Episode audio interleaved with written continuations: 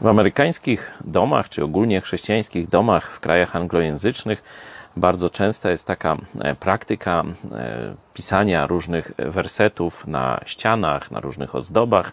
No i ja dostałem też od Moniki z Wielkiej e, Brytanii, no oczywiście Polki, która tam pracuje wraz z mężem. Pozdrawiamy Monikę i Karola.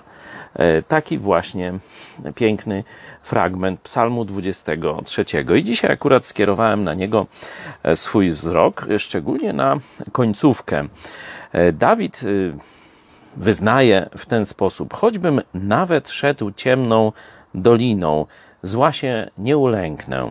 Wczoraj mówiłem o hejterach, o tym konkolu, o przeszkadzaniu nam w pracy, o zasiewaniu jakiegoś zła, psuciu tego, co robimy.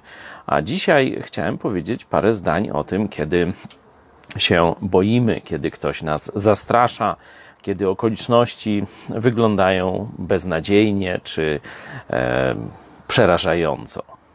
Choćbym nawet szedł ciemną doliną, zła się nie ulęknę. Ale dlaczego?